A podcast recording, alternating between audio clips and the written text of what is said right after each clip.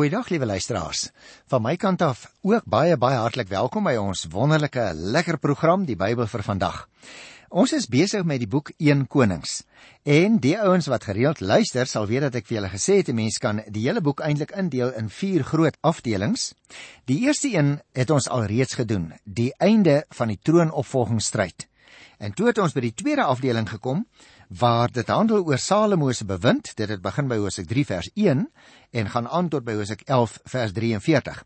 En vandag gaan ek die laaste gedeelte behandel van hierdie tweede lang gedeelte Salomo se bewind, naamlik hoofstuk 9 vers 10 en ek gaan 'n lang sprong maak tot aan die einde van hoofstuk 11 vers 43 wat ons dan sal bring aan die einde van die tweede hoofdeel in die boek. Nou ons het wonderlike dinge oor Salomo gelees, maar liewe luisteraars, in vandag se program gaan ons so 'n bietjie gesels oor Salomo op die afdraande pad. Nou ek gaan nie al die teksgedeeltes lees nie want dan gaan ons nooit klaar kry nie en daarom wil ek dadelik verwys na wat in die Bybel staan as jy dit voor jou het by 1 Konings die 9de hoofstuk van vers 10 af handel oor ander mededelings oor Salomo. Ek gaan dit net uh, kortliks opsom want dit is net so vers 10 tot by vers 14 waar dit uh, spesifiek handel oor Salomo die bouheer reken dan af met Hiram. Jy sal nog onthou Hiram is die ou wat die baie hout en ook ander uh manne wat baie goeie vakmanne was aan koning Salomo voorsien het. Nou volgens die boek Konings het Salomo die beste daarvan afgekom aangesien die 20 stede wat hy vir Hiram gegee het vir die 20 jaar se voorsiening van boumateriaal. Daardie stede was eintlik nie baie werd nie. Salomo, nou ja, hier sien ons 'n bietjie 'n ander kinkel in sy karakter nie waar nie. Waarskynlik was dit eintlik maar net grensdorpies in die noordweste van Galilea. 'n Mens kry die indruk dat Salomo met sy ambisieuse bouprogram die finansiële vermoë van sy ryk so 'n bietjie oorspan het. En nou gee hy hierdie klompie stede, 10 van hulle, aan die koning present, maar die koning wat ver weg woon in die land Tyrus, daar op die noordwestelike oewer van die Middellandse See as 'n mens na die kaart kyk, was natuurlik baie ver hier van Jerusalem af en hy het waarskynlik nie besef wat 'n treurige ou dorpies dit was nie. Nou ja, goed, as ons by die volgende perikoopie kom, dit is hier van vers 15 tot 24, dan gaan dit oor Salomo se ander bouwerk en die dwangarbeid. Oorsigtelik wil ek vir jou dit sê, Salomo se bouprogram het wyd oor sy hele groot ryk heen gestrek sodat hy noodgedwonge van verpligte dwangarbeid gebruik moes maak. Nou die skrywer van hierdie boek 1 Konings vind dit nodig om uitdruklik vir ons as die lesers te sê dat dit nie Israeliete was. En hier, liewe luisteraar, skemer egter iets deur van die skadukant van Salomo waarvan ek nou nog gepraat het. En ons hier sien ons dit nog 'n bietjie beter. Soos die konings van sy tyd het ook hy mense misbruik om sy oogmerke te bereik. Ek wil eintlik net een versie uit hierdie perikoop lees, naamlik die 15de vers vir die bou van die huis van die Here en die paleis, die terras en die muur van Jerusalem en vir die herbou van die stede Hasor, Megiddo en Geser, het koning Salomo van dwangarbeid gebruik gemaak. Ek wil graag spesifiek met jou hieroor gesels want ek dink dit is vir ons van belang dat ons dit goed sal verstaan. Jy sien liewe luisteraar, die vorste van die ou nabye ooste in daardie tyd was nogal baie trots op die stede wat hulle gebou of versterk het. Inligting daarvoor word in baie inskripsies, veral die wat in Mesopotamië ontdek is gevind. Met entoesiasme word dan van die bouwerk vertel ook in hierdie verse. Van vers 15 tot by vers 28 herinner ons uh, aan verskillende van die verslae wat opgestel is in verband met Salomo se bouwerk. Ons lees byvoorbeeld hier van Hasor in die versie, nê? Nou Hasor het reeds uit Egiptiese bronne en uit die bekende Mari-briewe bekend as 'n belangrike handelsstad in Noord-Palestina geraak. Ten tye van die intog in Kanaan het Hasor 'n leiersposisie ingeneem tussen die ander state. Die berig in 2 Konings waarby ons nou nog gaan kom daar in die 15de hoofstuk oor die verowering van Hasor deur Tiglat-Pileser, die koning van Assirië, is die laaste wat ons in die Ou Testament van hierdie stad hoor. Interessant. Opgrawings het vir ons getoon dat Hasor so tussen die jare 2700 voor Christus en tot 150 na Christus bewoon is. 'n Lang tyd nie waar nie. Uh so 2850 jaar in totaal.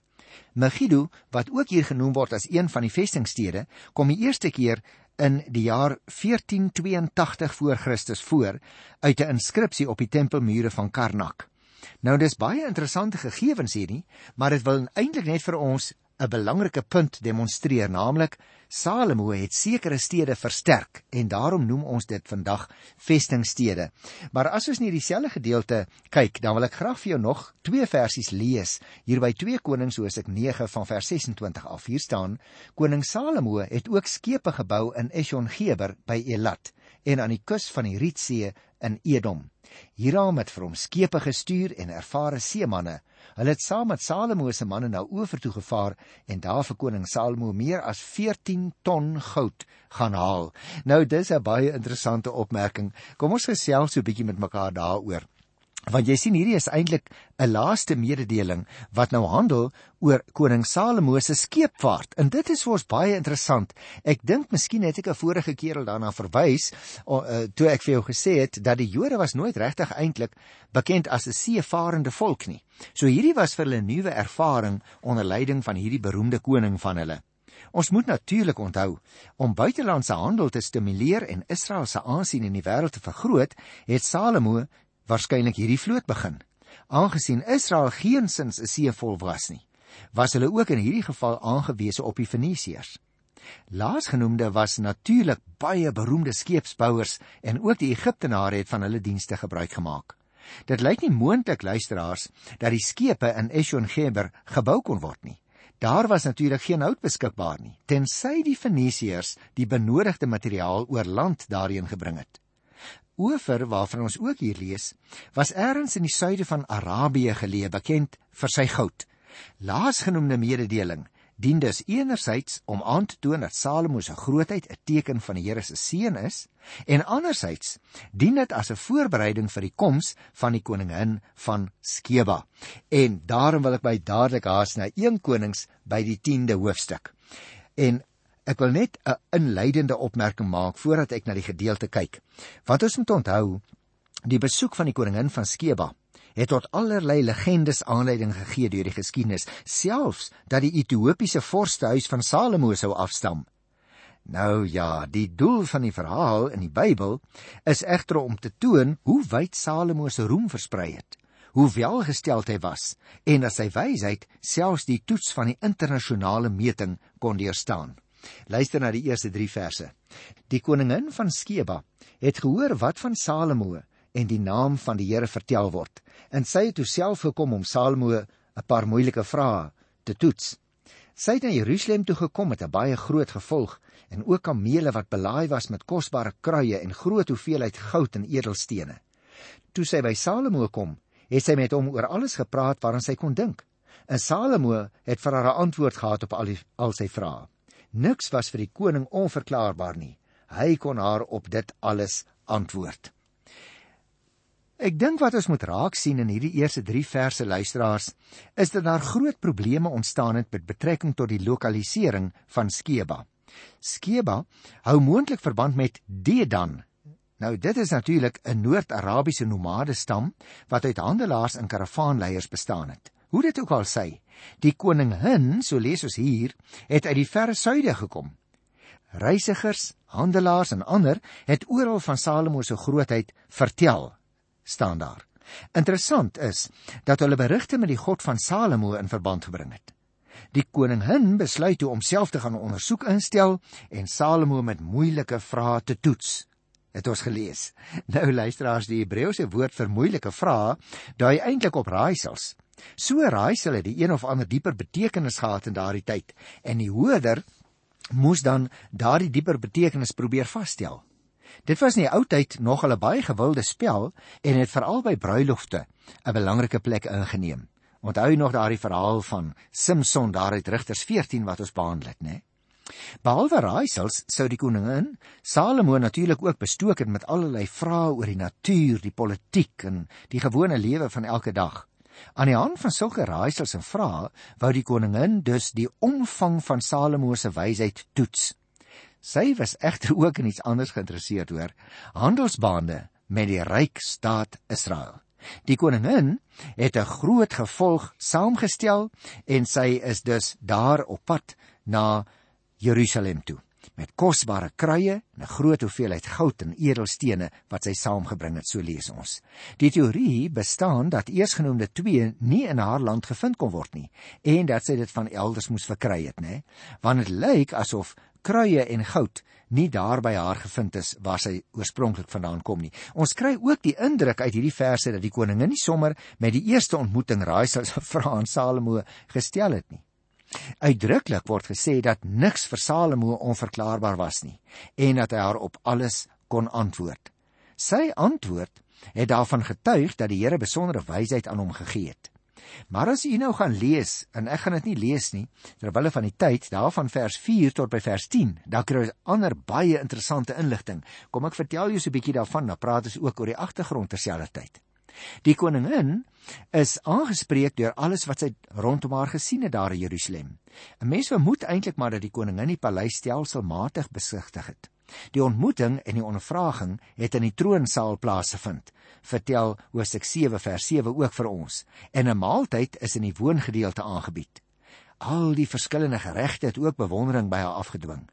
Salomo se groot hoeveelheid amptenare en die manier waarop hulle aangesit het lees ons, as ook die tafelbediendes met hulle deftige monderings en die manier van bediening het ook tot hierdie oorweldigende indruk bygedra.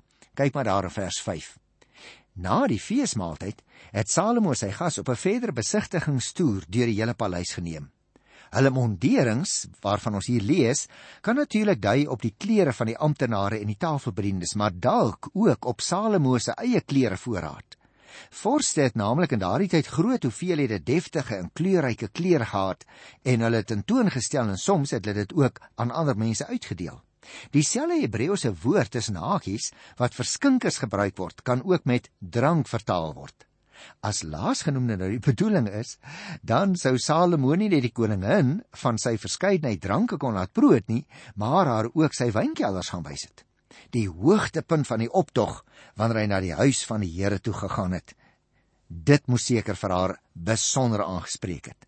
Salomo het dalk tydens die besoek van die koningin 'n buitengewone offer gebring of die besoek kon met een van die 3 jaarlikse feeste saamgeval het. En nadat die koningin nou alles bekyk het, moes sy erken dat alles staan daar wat sy verneem het waar was. Trouwens, haar verwagtinge is ver oortref. Lees ons in vers 6 en 7. Aanvanklik kon sy natuurlik nie glo wat aan haar meegedeel is nie, en daarom het sy besluit om self te kom ondersoek instel. Haar asem het weggeslaan lees soos in vers 5 van wat sy gesien het. Wat 'n voorreg is dit nie vir Salomo se mense, dit wil sê almal wat nou by hom in diens was op daardie stadium en sy hoë amptenare in die besonder om sy werknemers te wees en gedurig al sy wysheid te kon aanhoor nie.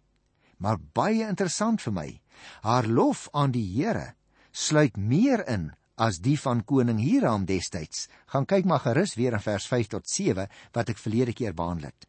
Dit beteken egter nie, liewe luisteraars, dat sy noodwendig in God geglo het nie, hoor. Sy bring bloot hulde aan die God van Israel en daarom verwys sy na U God. Lees dit gerus weer.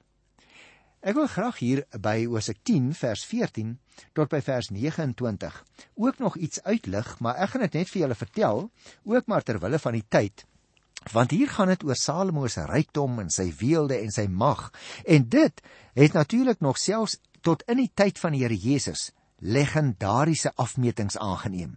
Jy kan daarvan lees in Matteus 6 daar by vers 29.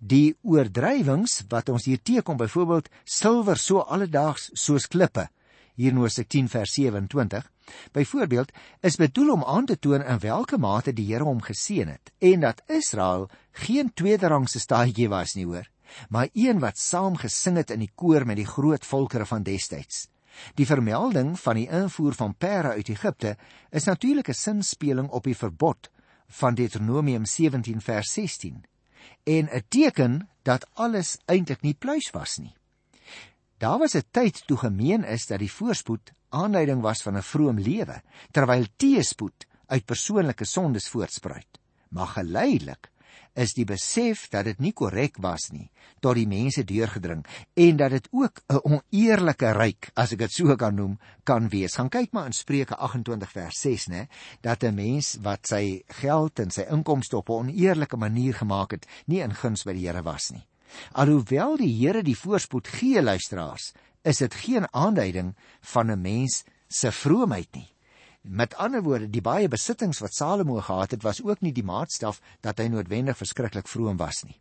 Nou as 'n mens kyk hier by vers 26 tot 29, kry ons nog ander inligting. Ehm um, maar ek wil vinnig daaroor gaan want ek wil spesifiek by die 11de hoofstuk so 'n bietjie meer aandag gee. Jy sien hierdie verse vertel iets van Salomo se handel met perde. Hy het groot strydwaamagte opgebou en mettertyd ook die 1400 strydwaans en 12000 ruiters besit. In plaas van ruiters in vers 26 moet dalk eerder perde gelees word. Tussen hakies luisteraars, die groot aantal perde is ingevoer lees ons uit Egipte en Kiewe. Nou Kiewe verwys heel waarskynlik na Sicilië in Klein-Asië en dit is geleë aan die noordoostelike punt van die Middellandse See. Met ander woorde, ons kom hier onder die indruk hoe ver buite sy eie grense Salomo eintlik voortgegaan het om sy ryk te versorg en hoe die handelsbelange om daardie ryk te versorg uitgebrei het na al die omwonende volkere rondom, maar uiteindelik tot sy eie nadeel. En daarom wil ek oor hierdie skadu kant van koning Salomo se lewe spesifiek nou langer stil staan by hoofstuk 11 hier in 1 Konings. Want Salomo se skadu kant luisteraars bied vir ons die geleentheid vir godsdienstige waardebepaling van hierdie sprokies koning uit die ou tyd. En terselfdertyd ook vir 'n verklaring van die probleme wat Salomo se ryk getref het. Ek gaan so hier en daar na teksgedeeltes verwys want ek dink hierdie is vir ons 'n baie belangrike gedeelte in ons tyd, liewe luisteraar. As ek nou hier bokant 1 Konings 11 'n opskrif moes skryf, dan sou ek sê dit gaan hier oor twee moontlike lewensgrafieke. En as ek dit lees, dan wil ek vir jou sê die Bybel is 'n ongelooflik wonderlike boek, is dit nie? Dit vertel ons aan die een kant van God op so 'n aangrypende manier dat jy nie anders kan nie as om te sê wat 'n wonderlike God is dit tog wat agter die Bybel staan. Die God met die groot hart vir sondaars, ja. Maar die Bybel vertel ons ook van mense. Op so 'n wyse dat ons die mooi dinge in hulle lewens kan raak sien dat ons kan weet Salomo was baie slim en baie ryk en baie bekwam maar terselfdertyd is hierdie Bybelboek baie eerlik want hier in 1 Konings 11 gaan die grafiek van Salomo se lewe nie op nie maar af. Ons leer Salomo in hierdie hoofstuk ken soos wat jy en ek ook maar dikwels is. 'n mens vol swakhede en sonde 'n slim man wat dom dinge kan doen, 'n man met 'n groot naam, maar ook 'n man met 'n lelike etiket. Jy sien, agter 1 Konings 11 lê 'n baie belangrike stuk teologie, naamlik die van die Deuteronomiste word hulle in die teologie genoem. Dit was die mense wat so teen die jaar 600 voor Christus sekere skrifgedeeltes neergeskryf het. Hulle kon dus met ander woorde terugkyk op Salomo se lewe en hulle beoordeel dit vanuit 'n skema vir die Here of teen die Here. En daarom kry 'n mens ook in hierdie hoofstuk hulle opinie oor koning Salomo. En dit was nie 'n baie vleiende mening nie, hoor. Dit blyk al reeds uit die eerste vers. Koning Salomo was baie lief vir uitlandse vrouens. Behalwe die dogter van die farao het hy ook vrouens uit die Moabiete, Ammoniete, Edomiete, Sidoniërs en Hittite gehad. Koning Salomo het baie uitlandse vrouens liefgehad, sê die Bybel as dit ware so bietjie met die tong in die kies. Behalwe sy vrou uit Egipte, kan ons hulle in twee groepe indeel. Daar was die vroue uit die onderworpe volkere, naamlik Moab, Ammon en uit Edom. En dan was daar sy vroue uit bevriende state soos Sidon en die Hittite. Dit was politieke huwelike het ek al van tevore vir jou gesê, want hy het geweet as die dogters van die omwonende konings in sy harem is, dan sal hulle hom nie maklik aanval nie. Maar vers 2, daar gee die Deuteronomus van ons dan uitspraak daaroor. Dit was die nasies waarvan die Here vir die Israeliete gesê het: "Julle mag nie met hulle omgaan nie. Julle mag nie toelaat dat hulle met julle omgaan nie, want hulle sal julle net verlei om hulle gode te aanbid." Nou natuurlik was dit dus in stryd met die wette van Eksodus 34 en Deuteronomium 7. En let op luisteraar, die kern van die beswaar was nie etnies van aard nie, hoor, want ons sal dit in Suid-Afrika nou waarskynlik weer verpolitiseer. Die kern het hier omgegaan dat jou hart verlei mag word agter vreemde gode aan. Nou was dit natuurlik geen denkbeeldige gevaar nie, hoor. Want vers 3 en vers 4 sê vir ons pertinent dat hierdie vroue Salomo se hart verlei het. Vir al die 4de vers toe hy oud geword het. Een ou man tussen 'n duisend vrouens. Dit verbaas my nie, wil ek amper sê, liewe luisteraar. Maar let op die teologie tussen die reëls. Die skrywer sê vir ons baie interessant hier by vers 5 en 6. Hy het Astarte, die koningin van die Sidoniërs en Milkom, die afskuwelike god van die Ammoniete gedien. Salomo sê vers 6, het gedoen wat verkeerd was in die oë van die Here. Hy was nie aan die Here getrou soos sy pa Dawid nie. Met ander woorde, Salomo se hart was nie volkome soos die van sy pa Dawid nie. Die skrywer wil vir ons daarmee sê, in die lig van die Dawidstradisie val Salomo deur die mat. In die lig van die verbondsbeloftes is hy 'n swak skakel. Jy sien in sy trou aan God van die verbond was daar ook dislojaliteit. En om dit te illustreer, noem die Deuteronomus vier van die afgode in die dalende grafiek van Salomo se lewe: Astarte, die godin van die liefde en vrugbaarheid, en Molek, die afgod uit Amnon, Om die waarheid te sê, en dit is my half die ergste liewe luisteraar. In vers 9a gee die skrywer 'n tweede en 'n derde keer sy mening, baie duidelik. Hy sê dit was verkeerd in die oë van die Here. En staan daar dan in die B-deel van vers 9. Dit het alles gebeur nadat die Here twee maal aan Salomo verskyn het. Ek sou wou sê, wat 'n hardkoppige en 'n wederstrewige mens is koning Salomo hier teen die einde van sy lewe tog. Luister net so 'n bietjie wat hier in die 10de vers staan. Die Here het hom uitdruklik beveel dat hy nie ander gode mag dien nie. Salomo het hom egter nie gehou aan die opdrag van die Here nie. Hoe begin sy lewensgrafiek nou baie vinnig afgaan? En miskien luisteraar sal jy jou kop instemmend knik by die lees van vers 11. Ek sal verseker die koningskap van jou afskeur en dit aan 'n onderdaan gee. Ja, ja nee, so kan 'n mens darm nie met God se genade speel nie, hoor. Daar's tog perke aan elkeen se geduld. Geregtigheid moet tog darm in hierdie wêreld geskied, sal jy en ek ook tereg wil sê.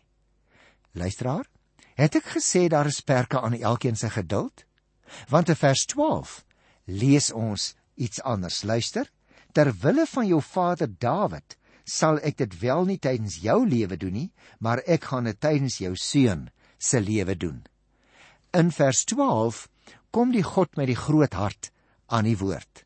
In jou dae sal ek dit nie doen nie ter wille van jou vader Dawid. Ek sou wou sê, kan jy dit glo? Ter wille van jou vader Dawid. Begryp jy wat ons eintlik al hier lees? Iets wat ons in die lig van die Nuwe Testament baie beter sal verstaan, want daar het die Here Jesus ter wille van ons gesterf aan die kruishout van Golgotha. Daarom is die Ou Testament tog ook al reeds vol genade. Ons dink so dikwels in die Ou Testament is die God van wraak aan die woord en in die Nuwe Testament die God van liefde. Maar liewe luisteraar, in vers 13 is daar twee knooppunte vir God se grafiek wat hy oor hierdie man laat teken. Luister bietjie. Ek sal ook nie die hele koninkryk wegneem nie, maar ter wille nog 'n slag van my dienaar Dawid en ter wille nog 'n slag van Jerusalem wat ek uitverkies het, gaan ek een stam vir jou laat oorbly. Met ander woorde, die koningskap van Salomo en ook die van sy seun Rehabiam is wel afgeskeur. Die koningskap sou moes rus op die skouers van 'n groter seun van Dawid. Jesus is sy naam. 'n koningskap luisteraar wat oor etniese grense heen gaan sodat Jode en Grieke en Romeine en Afrikaners weer almal kinders van God genoem kan word. Kortom, sodat sondaars weer geliefdes van God mag wees. En daarom praat vers 13 nie net van koningskap nie, maar ook van Jerusalem wat deur God uitverkies is. En miskien, miskien luisteraar lê daar in die belangrikste knooppunt in die tweede grafiek want daar in Jerusalem het God op 'n Vrydagmiddag weer vir jou en vir my gekies by hernuwing. Selfs selfs al lyk ons lewensgrafieke ook dikwels soos die van koning Salomo. Want op daardie middag lank gelede het God se seun sy eie versoeningswerk ter wille van sondaars in gedagte gehad toe hy uitgeroep het: Dit is volbring. En op daardie wonderlike wonderlike hoogtepunt groet ek jou dan in die naam van ons koning Jesus Christus die Here. Tot volgende keer. Totsiens.